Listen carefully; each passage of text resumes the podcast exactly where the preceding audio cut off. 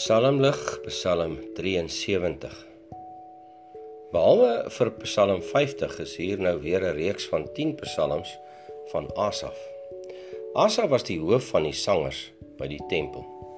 Koning Dawid het hulle bymekaar gemaak en aangestel by die tweede inhaal van die ark. Ons lees dit in 1 Kronieke 16 vers 4 en 5.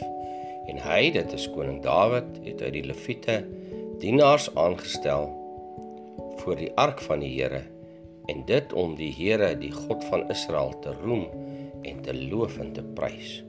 Asaf die hoof en Sagaria die tweede in rang na hom, Jeel en Semirimot en Jeel en Matitja en Eliab en Benaja en Obed-Edom en Jeel met harp en siterinstrumente terwyl Asaf met die simbale musiek gemaak het. Ons lees ook dat Asaf die gawe van 'n siener gehad het. 2 Kronieke 29 vers 30. Daarop gee koning Jehiskia en die owerstes aan die leviete bevel om die Here te prys met die woorde van Dawid en Asaf die siener en hulle het met blydskap die lofsang aangehef en gebuig en aanbid. Asaf se broers Heman en Jedutun het saam met hom musiekinstrumente besiel gespeel, lees ons. En Jedutun was ook vir koning Dawid 'n siener. Asa was ook betrokke met sy sanggroep by die inwyding van die tempel van die Here wat koning Salomo gebou het. En hy het die aanskoulike heilige luisterryke belewenis meegemaak waarvan ons lees in 2 Kronieke 5 vers 12 tot 14. Terwyl die leviete sangers almal saam Asaf, Heman, Jedite met hulle seuns en broers in linne gekleed met simbale en harpe en siters oostelik van die altaar staan en saam met hulle omtrent 120 priesters wat op trompette blaas.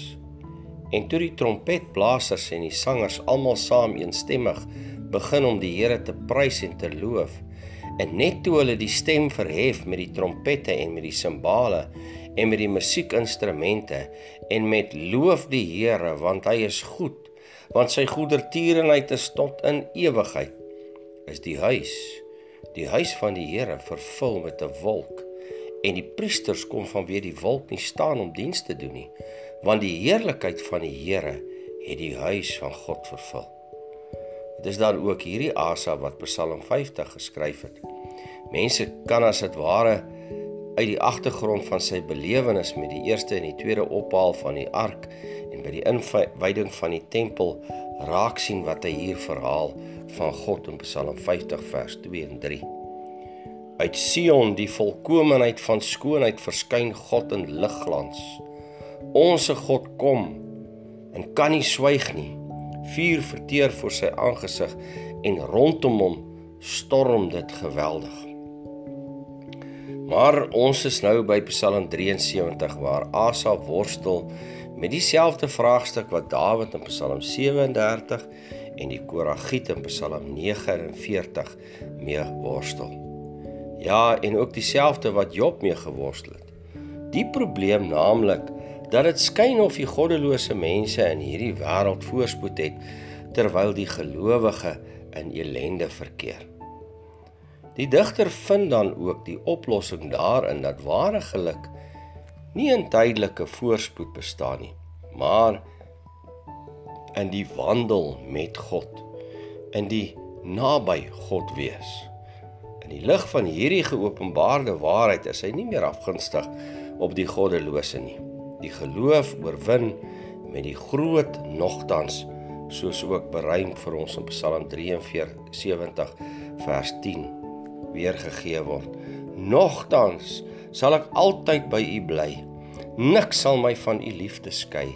U wat my regterhand gevat het vir wie ek van harte lief gehad het. U sal my voortlei deur u raad o God, my hulp, my toeverlaat en na die dag van aardse stryd my opneem in u heerlikheid.